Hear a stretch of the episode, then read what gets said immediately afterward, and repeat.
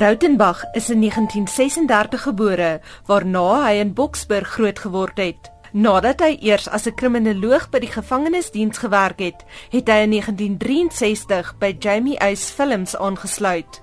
Daar het hy saam met sy mentor, Emil Nouvel, aan King Hendrik gewerk en toe in 1968 het hy grense verskuif met sy rolprent Die Kandidaat, waarin die hoofkarakter aansoek doen vir die voorsitterspos van 'n stigting. 'n Rolprentdosent by die Universiteit van Pretoria, Chris Broodryk, verduidelik. Dr. Jan de Roo word dan geweeg en te lig bevind dat voldoen aan hierdie ideaal van die sogenaamde perfekte Afrikaner. En as hy moet eerlik wees, sy ideaal bestaan nog steeds so problematies as wat dit is. Nietemin daar's 'n komitee wat bestaan uit onder andere 'n 60er skrywer en 'n NG predikant en 'n volksmoeder karakter en hulle leen dan vir Dr. Leroux onder kruisverhoor om verskeie redes.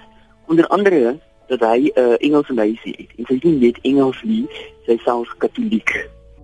Daarna het Rautenbach seker een van die mees omstrede rolprente uit hierdie tydperk, Katrina, gemaak. Dit het gehandel oor 'n bruin vrou wat saam met haar seun as wit geklassifiseer word.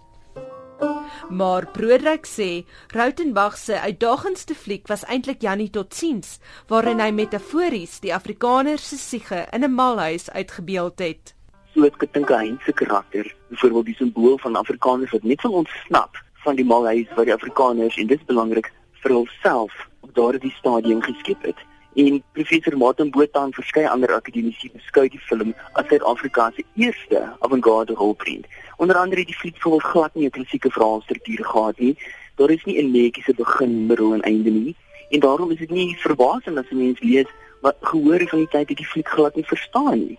Want die drie tyd was anders as wêreldgehore, gewoond aan verstrooiingsvermaak en natuurlik hierdie surrealistiese beelde wat Rautenbach gebruik het en nou nie tot siens die gehore vervreem. Dit was net te uitdagend.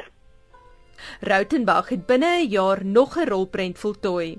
Papa Lap handel oor die verhouding tussen 'n brandarme man en sy dogter wat 'n rok vir haar matriekafskeid soek.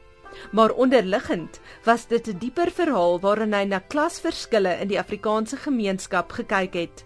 44 jaar later sou die regisseur Corneille van Rooyen die rolprent Hollywood in my huis maak wat rondom dieselfde tema wentel. Jans Routmag het gesê dat om 'n film te maak is soos om 'n droom te vergestaal en om daai droom te wys vir mense sonder drome. En dit vir my baie inspireer om te sê dat ek het 'n doel op hierdie aarde en ek het 'n doel wat ek doen. En ek het sommer Papa Lap Jans Routmag se film in my film gebruik om vir hom dankie te sê.